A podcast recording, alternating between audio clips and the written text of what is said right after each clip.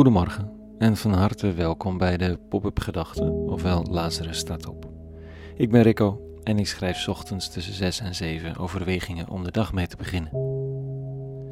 Vandaag met de titel Heeft er nog iemand de leiding? Pop-up Gedachten dinsdag 6 juli 2021.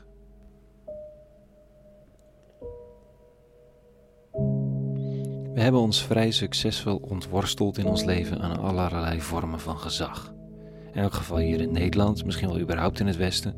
De kerk heeft geen noemenswaardige zeggenschap meer over ons leven. Onderwijs is een gesprek met een docent, waarbij hij of zij jou moet coachen op jouw route in het leven. Op politici wordt wel gestemd, maar ze worden heus niet vertrouwd. En de politie is een vriendelijke groep geuniformeerde dienders van de samenleving geworden. En als ze dat niet zijn, dan zullen ze ervan lusten. Mijn ouders waren vroeger automatisch u. De mensen die ik nu met u aanspreek, moet je met een lantaarntje zoeken. We hebben ons vrij succesvol ontworsteld aan allerlei gezag. En logisch en zinnig. En hoog tijd dat we mondig werden en dergelijke.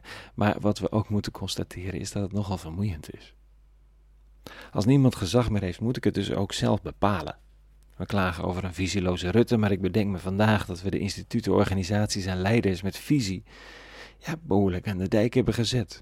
Met reden, we wilden vrij zijn en terecht wellicht, maar dan krijg je dus een soort technocratie in plaats van leiderschap. Een land waarin zoveel mogelijk moet kunnen ten koste van zo weinig mogelijk. En de kwetsbaren in de samenleving lijden daaronder, want er was geen visie voor hen. Ik moet hieraan denken als ik vandaag lees over Jezus en zijn tijdgenoten. De rabbi ziet de eindeloze hoeveelheid mensen die naar hem komt luisteren en verzucht iets. Bij het zien van de menigte mensen werd hij door medelijden bewogen, omdat ze afgetopt neerlagen als schapen zonder herder. Toen sprak hij tot zijn leerlingen: De oogst is wel groot, maar arbeiders zijn er weinig. Vraag daarom de Heer van de oogst arbeiders te sturen om te oogsten. Ik weet niet zo goed wat er geoogst moet worden, maar afgetopt als schapen zonder herder, het is goed een tikje beledigend naar onszelf om ons daarmee te identificeren, maar het punt dat gebrek aan leiderschap ook doodvermoeiend is, dat is op zijn minst interessant om te beseffen. Wie het zelf allemaal wil doen, moet het ook uiteindelijk zelf allemaal doen. Hij raakt moe, uit evenwicht, dolend. Dat is niet altijd moeilijk om in onze samenleving te herkennen met zijn burn-outs, antidepressiva en ongenoegen. In een van de meest gelukkige of welvarende landen ter wereld. Misschien is de tweede lezing dan vandaag over Jacob die worstelt bij de Jabok wel een sleutel. Jacob is een self-made man. Hij pakt wat hem toekomt en laat de verliezers in woede achter. Hij meent er recht op te hebben en fixt het. Maar nu is hij bang.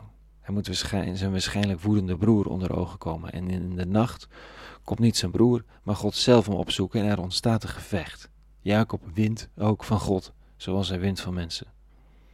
Maar als de eeuwige dan ook weg wil, net als zijn broer en oom, laat Jacob hem niet gaan. Toen zei de ander: Laat mij gaan, het wordt al dag. Maar Jacob zei: Ik laat u niet gaan, tenzij u mij zegent. Jacob erkent leiderschap. Van zijn broer hoefde hij geen zegen. Van zijn vader ontfutselde hij de zegen met bedrog. Van zijn oom pakte hij wat hij pakken kon. Selfmade man wil nu een zegen, want zonder gaat het niet. Een zegen ja, iemand die zegt: Ik zie je. Ik heb plezier in je. Ik hou van je. En zal bij je zijn. Wie zich heeft ontworsteld aan alles, vraagt zich af wat goed is. Wie mag er nog zeggen tegen je: Ik zie je, ik heb plezier in je, ik hou van je en zal er zijn? Daarvoor moet je op een gegeven moment toch weer klein worden. Al is het maar even. Niet makkelijk voor de bevrijde mens, maar essentieel.